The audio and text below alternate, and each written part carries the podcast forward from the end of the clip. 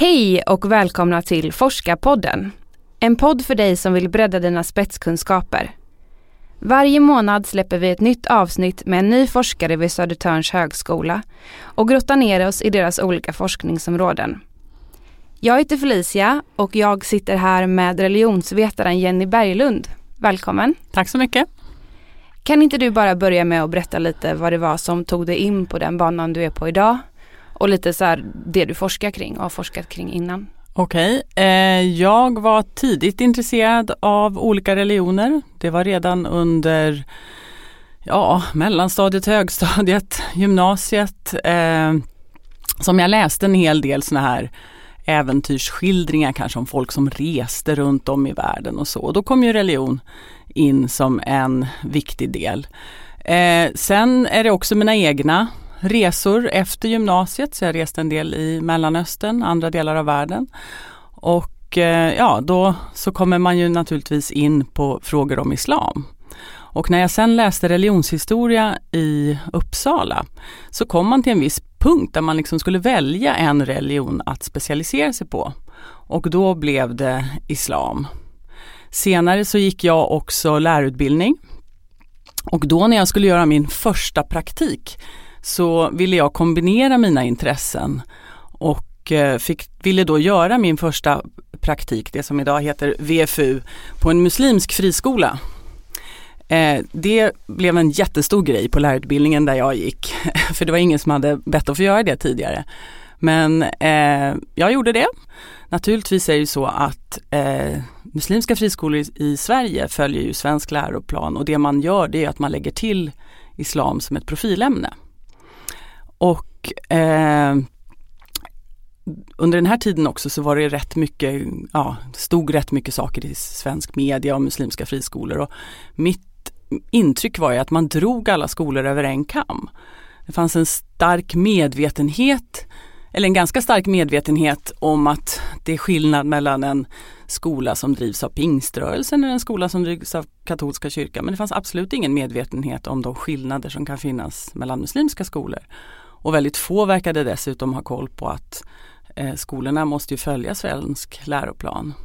Så då blev jag intresserad av det här och eh, ja, sökte till forskarutbildningen och skrev min avhandling som jag disputerade på 2009 om just islamundervisningen på muslimska friskolor i Sverige. Men är, om man kollar på dina publikationer och mm. så, så har du publicerat mycket runt det här ämnet. Mm. Islamundervisning och, och så. Och däribland så finns det en studie som jag tycker är väldigt intressant. Experiences of Islamic and Western Education in Sweden and Britain. Mm. Eh, kan inte du bara berätta lite vad den studien handlar om? Ja, det, det handlar om en studie eh, som fokuserar på eh, sån islamundervisning som man går i efter skolan. Alltså ja, eh, som man kanske går på eftermiddagen eller som man går på eh, helgen eller någonting sånt. Moskéundervisning kallas det ibland, koranundervisning eh, ibland. Och eh, där är det mitt nuvarande forskningsprojekt som handlar just om elevers erfarenheter om vad de liksom tar med sig från den sekulära skolan mainstream-skolan så att säga till sin eh, islamundervisning och sen också från islamundervisningen som man går på eh, på helgen till eh, skolans värld. För naturligtvis, det här är ju två skolmiljöer, två lärandemiljöer. Och, och även om de är skilda från varandra så är det ju en person, det är en elev som går i båda och naturligtvis så får man ju kunskap så att säga mm. som man tar från den ena till den andra och kan ha nytta av på olika sätt. Och då är det här är också en jämförande studie så att jag har varit i både eh, Storbritannien, framförallt i London och i, i, Sverige och intervjuat unga människor om den här erfarenheten. Mm, men det tänkte jag också på, varför blev det just Sverige och Storbritannien? Ja, dels så kan man ju säga att det är en språklig fråga. mm. Så det eh, handlar ju om det. Eh, det är lättast med engelska och svenska för mig så att eh, det blir de två länderna. Sen är det också så att det finns likheter och skillnader mellan Sverige och Storbritannien som är intressanta. Båda två är länder där det finns eh, i förhållande till folkmängden en ganska stor eh, muslimsk minoritet. Så man kan därför tänka sig att det finns islamundervisning. Eh, det är också, men det är två länder som har ganska olika erfarenheter historiskt sett. Jag menar Storbritannien är ju en före detta kolonialmakt och eh, en stor del av de muslimer som, som bor i Storbritannien kommer ju från forna kolonier. De flesta är ju från Indien och Pakistan, eh, Bangladesh eh, och så, även om det finns andra också. Sverige har en annan typ av, av historia med arbetskraftsinvandring från, från eh, 60 och 70-talet som till att börja med och sen en flyktinginvandring. Eh, så det där tyckte jag var intressant men Sverige har en mycket, mycket mer blandad muslimsk befolkning än Storbritannien.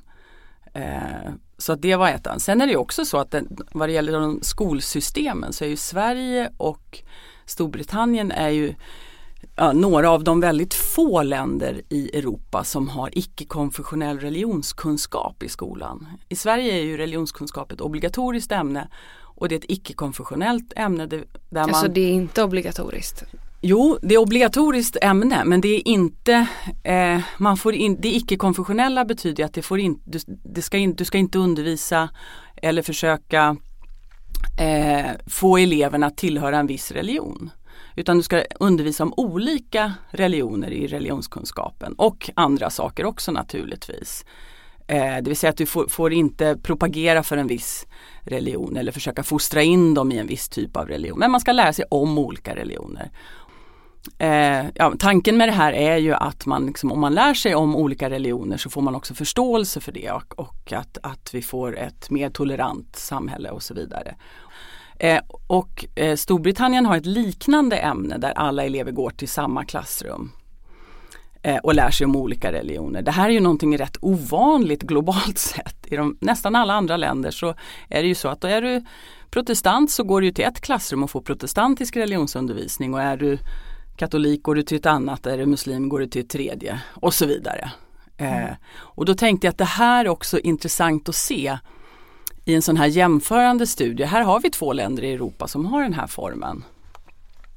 Och liksom vad, vad kan vi då, hur, vad kan vi då eh, vad kan jag då få veta om erfarenheter från de här eh, eleverna Mm. Om, det blir intressant då för då kan man utläsa mönster kanske. Man kan, precis, ja, likheter och skillnader och mönster och man kan också titta på eh, om det finns olika erfarenheter i, i de här länderna.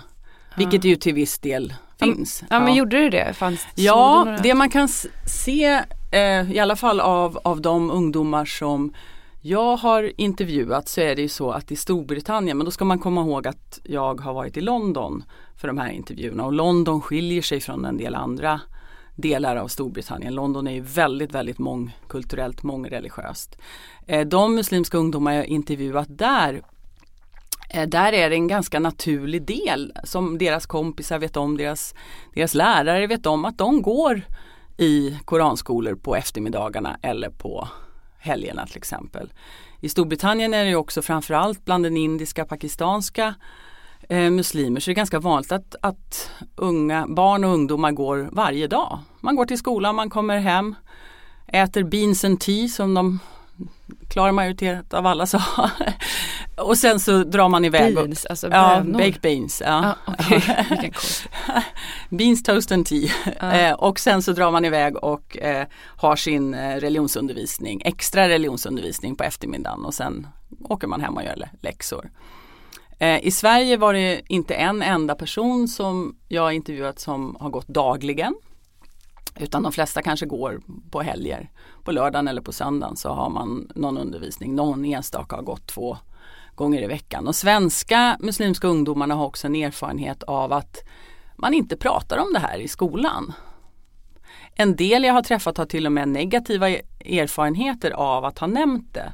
Att lärare har, har bemött det faktum att om de har sagt att de har gått på en koranskola att det finns lärare som har sagt att nej men, nej, men det ska du inte göra. Mm. Och sådär. Eh, så att man har på något vis inte pratat så mycket om det i skolans värld. Medan flera av de brittiska ungdomarna är nog mycket mer vana vid att prata om dem även i skolan.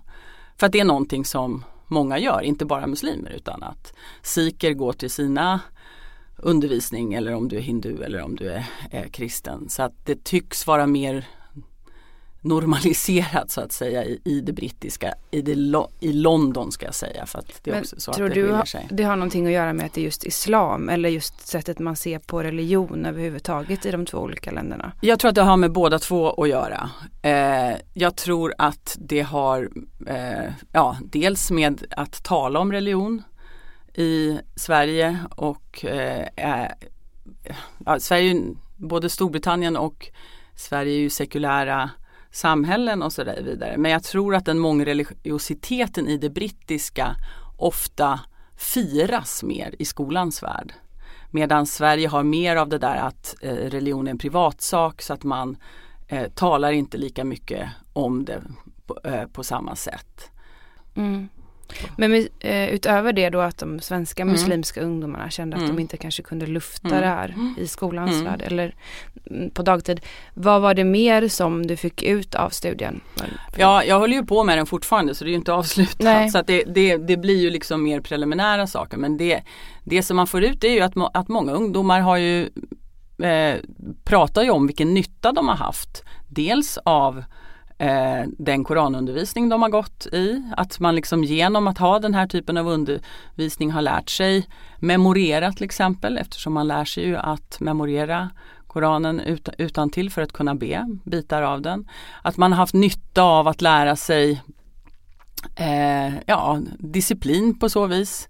Eh, I att man liksom har skol, stol, skoldagen är inrutad med både skoldag och eftermiddagsundervisning. Att här gäller det att hålla vara, ta tillvara på sin tid. I, framförallt de brittiska som då går varje dag. Många andra eh, tar ju också upp saker som att man har lärt sig uppförande, attityder, eh, sådana såna saker som man då har nytta av i den sekulära skolan inför prov eller bara generellt. Medan man också uppmärksammar att det som den sekulära skolan kanske ofta har eh, bidragit med det är ju den här att ställa frågor, att ställa fri, kritiska frågor.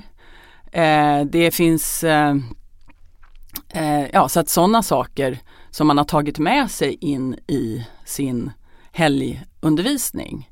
Um det försiggår ju en eh, svensk debatt just nu mm. om muslimska friskolor. Ja. Eh, att man är skeptisk till om det borde få finnas överhuvudtaget. Ja, naturligtvis och den debatten har ju funnits ganska länge. Jag tror att man, eh, jag brukar säga så här att jag tycker att det är bra med bra skolor och det är dåligt med dåliga skolor oavsett om de är eh, religiösa skolor eller om de är friskolor eller om de är kommunala skolor. Eh, jag tycker inte att man kan dra religiösa friskolor över en kam. Jag tycker att det blir, blir eh, felaktigt. Eh, när jag skrev min avhandling till exempel och var runt och besökte väldigt många muslimska friskolor i, i Sverige. Då brukade jag ha för liksom i bakhuvudet så här, skulle jag kunna ha mina egna barn på den här skolan? Jag tycker det är ett ganska bra liksom måttstock på. Och det finns eh, muslimska friskolor där jag inte hade velat ha dem och där, där jag hade kunnat ha dem. Eh, om jag var muslim så att säga. Eh, och, eh, men det är ju samma sak när jag, om jag besöker kommunala skolor. Att det finns många kommunala skolor jag inte skulle vilja ha dem. Eh, eller nu är det de vuxna men, men, där jag inte hade velat att de skulle gå och andra där, där det var bättre. Så att jag tycker att den här generaliseringen av skolor blir problematiskt. Sen måste vi också fundera på att det är klart att skolans värld är ju en värld där man idealt sett möts. Människor från olika klassbakgrund, olika etnicitet, olika religiös tillhörighet där man idealt sett ska mötas. Då kan man ju se det som att det faktum att det nu finns religiösa friskolor, att det utarmar möjligheten att mötas. Mm. Eh, och det är ett problem tycker jag. Eh, jag, jag, skulle, jag gillar idén med, med att man möts i skolans värld. Samtidigt kan man inte peka ut enbart de religiösa friskolorna för att vara det problemet. Det är massa andra faktorer som vad det gäller eh, skolvalmöjligheten över, överhuvudtaget som, som bidrar till samma sak. Mm. Nu har vi en möjlighet att välja eh, skolor i Sverige och för, för många har det varit väldigt positivt. Eh, och då tror jag att man måste liksom jobba från den utgångspunkten. Mm. Sen måste man också sätta Sverige ibland i ett internationellt perspektiv. Jag menar många Eh, tittar vi på, på Danmark till exempel så finns det ju väldigt mycket religiösa friskolor. Storbritannien, Holland. Eh, i, I Holland är det ju till exempel vanligt med, det finns mycket katolska skolor. Många katolska skolor har mer än 70% muslimska eh, elever. Så att man har sökt sig till, till religiösa skolor även om det inte är en muslimsk skola för att man föredrar att sätta barnen i en skola där det finns respekt för religion som man uppfattar det. Plus att katolska skolor har ett renommé av att vara högstatusskolor eh, mm. med ordning och reda och eh, läxor och så vidare. Men jag tänker också att det finns mm. vissa värden som höjs upp väldigt mycket mm. i den svenska skolan mm. som du pratade mm. om innan. Att det ska mm. vara öppet, det ska vara objektivt, det ska vara mycket olika perspektiv. Eh, tycker du, ser du att det krockar på något sätt om man tar in en religion? Ja, så det kan ju naturligtvis krocka. Ja. Men det är ju så också att eftersom de religiösa friskolorna i Sverige är statligt finansierade så måste man följa svensk läroplan. I värdegrunden står det att skolan ska fostra till jämställdhet, tolerans, solidaritet med svaga och så vidare. Det gäller även de religiösa friskolorna. Eh, och det är ju så att de som inte lever upp till det får ju inte heller statligt stöd. Det här är ju statens sätt att kontrollera att detta sker. Mm. Eh, men det har ju varit väldigt mycket kontroverser kring just eh, olika institutioner för islamundervisning. Eh, och det är ju någonting vi ser just nu i Europa generellt. Men jag tror att ett av problemen som just blir eh, i ett sekulärt samhälle som ändå är dominerat av protestantisk kristendom det är att dels att vi kanske inte ser den egna eh, kulturella kristenheten som ju finns överallt. Eh, och eh, med, medan det finns liksom, eh, trots att det är sekulärt så har ju folk väldigt mycket bilder av kristendomen. Om jag visar dig en bild på en eh, Eh, en eh, skrikande evangelikal pastor i USA som bränner eh, som, som hotar människor eller eh, ja, du kan tänka dig i alla fall, bränner Koranen eller hotar homosexuella eller så här. Då har du, det är inte din enda bild av kristendomen. Du har massa andra bilder av kristendomen. Och då tänker du att ja men det där är en extrem eh, form eh, av kristendom. För att du har, hela, hela vår kultur är, få, eh, är full av andra bilder av kristendomen. Medan du kanske inte har samma liksom, repertoar av bilder vad det gäller islam. Och om vi då tittar på media och på pressen där representationen ofta är just de eh, hemskheter som just nu pågår i Mellanöstern till exempel i Syrien. Eh, eller terrorhangen. Du har inte ett liksom, batteri av bilder att sätta dem emot. Mm. Eh, de människor som har många muslimska kompisar och så här, de har ju naturligtvis fler sådana bilder eller som um, liksom har varit mycket i, i, i eh, länder och umgåtts eh, över religionsgränser har ju fler bilder. Mm. Men har du inga sådana erfarenheter då är det ju faktiskt nästan konstigt ifall du inte blir misstänksam mot islam. Mm. Med tanke på liksom de bilder vi kanske ser i nyheterna. Mm. Alltså historiskt så har ju Storbritannien en lång erfarenhet av terror. Eh, det, så att säga, det, det, har ju följt historiskt eh, tidigare med IRA med andra grupper och så vidare så att man har ju den eh, långa historiska erfarenheten också som kolonialmakt. Eh, det vi kan se nu är att de har infört ett system som de kallar för Prevent Action. Där lärare som statligt anställda är skyldiga att rapportera ifall de misstänker extremism eller någonting som kan leda till mm. terrorism. Mm. Och det kan man ju ena sidan säga kanske är förståeligt men problemet med det här har ju också varit att, att eh, personer rapporteras in för minsta lilla. Eh, och problemet är ju också att, att det är väldigt kopplat till eh, islam. Och det har till exempel förekommit att barn som har gått in på skolgården och skrikit någonting i någon lek som handlar om att döda eller någonting har rapporterats in. Det vill säga ungefär att om du heter Peter och skri, skri, springer runt på skolgården och skriker jag ska döda dig, jag ska döda dig. Då blir du inte rapporterad. Medan om du heter eh, Abdullah så blir du rapporterad i det här. Eh, och ett stort problem med det här har ju varit att lärare faktiskt är ju den som unga människor kan vända sig till ifall de har funderingar kring det här. Läraren blir en person som ska sätta dit ja, ja, det finns sådana tendenser. Eh, vilket jag tror att det, det, är en svårighet för många lärare då att hantera den här, här situationen som jag har förstått när jag har, har pratat med dem hur man ska göra helt enkelt. Ja. Men du ja. avslutningsvis, mm. du som ändå har mm. forskat mm. mycket kring det här mm. området. Finns det någon modell eller något sätt som någon man kan inspireras av? som, där det funkar bättre än det gör idag i Sverige eller Storbritannien? Ja, alltså det finns ju enskilda modeller som jag tycker att jag blir väldigt imponerad av. Den här skolan som jag var på i, i norra eh, London. På den skolan eh, så är 50% av eh, eleverna muslimer, ungefär 20% hinduer, 17% sikher kanske några buddister och sen resten kristna. Så att det är en väldigt Ja, det motsvarar inte majoriteten. Men den här skolan har legat i det här området och allt rektorn berättat utifrån hur, hur eh, ja, eh, ja, migrationstrenderna har gått och sådär så har det varit olika eh, grupper i skolan som har dominerat. Men det intressanta som jag tycker i den här skolan det är dels den öppenhet av att tala om religion, att det är självklart.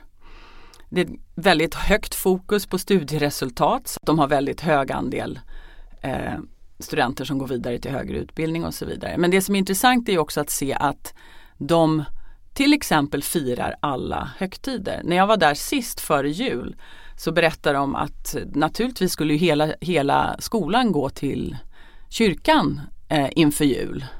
Och skolorkestern skulle spela eh, och de skulle sjunga och så vidare. Och jag frågade lite så här, jaha okej, okay Eh, är det okej okay? att använda kyrkan som lokal eftersom vi har haft den debatten i Sverige? Och rektorn bara tittade på mig och sa, ja men det är väl självklart att vi ska gå dit och, och sjunga Christmas carols. Eh, och, och, alla är så att säga med. När det sen är slutet på, på Ramadan så firar man idelfitter på, i hela skolan. Vid de judiska högtiderna så, så firar man det och man har väldigt mycket den här idén om att eh, firande är, ja, festligheter är allas festligheter. Det finns säkerligen någon som inte alls tycker att det där är bra på många sätt, sätt och vis. Men jag tycker att det var ändå ganska tydligt också i samtalen med eleverna att ja men det visst, här har vi en, en festlighet. Då, då firar vi helt enkelt eh, den. Rektorn och eh, skolledningen var också väldigt medveten om att man har elever som går i koranskola som går i andra skolor och var väldigt intresserad av det här och, och tyckte att det här var någonting som de också kunde lära sig någonting om. Det var i princip därför jag var där, för att de hade bett mig komma dit för att, för att studera det här. Vilket är ovanligt. Mm. Oftast är det ju jag som forskare som får be att få komma dit. Mm. Känns som ett väldigt bra sätt att skapa en gemenskap istället för ett vi och dem. Ja, liksom. i, i, den. Mm. Jag kan inte, den här skolan är ju inte representativ för Storbritannien utan det är snarare ett, ett, ett exempel. Och så kan ja. ju vara på motsvarande skolor i, i Sverige också, att det finns goda exempel. Mm. Och ibland kan jag tycka att den svenska skoldebatten eh, omgärdas av att vi tittar på de dåliga exemplen. Det kan finnas eh, en poäng i att titta på de goda exemplen och, och lära oss någonting där istället. Och med det så avslutar vi Forskarpodden för den här gången. Tack för att ni lyssnade och tack till Jenny Berglund för att du kom. Du har just lyssnat till ett avsnitt av Södertörns forskarpodd. Södertörns forskarpodd produceras av MT Talks i samarbete med Södertörns högskola.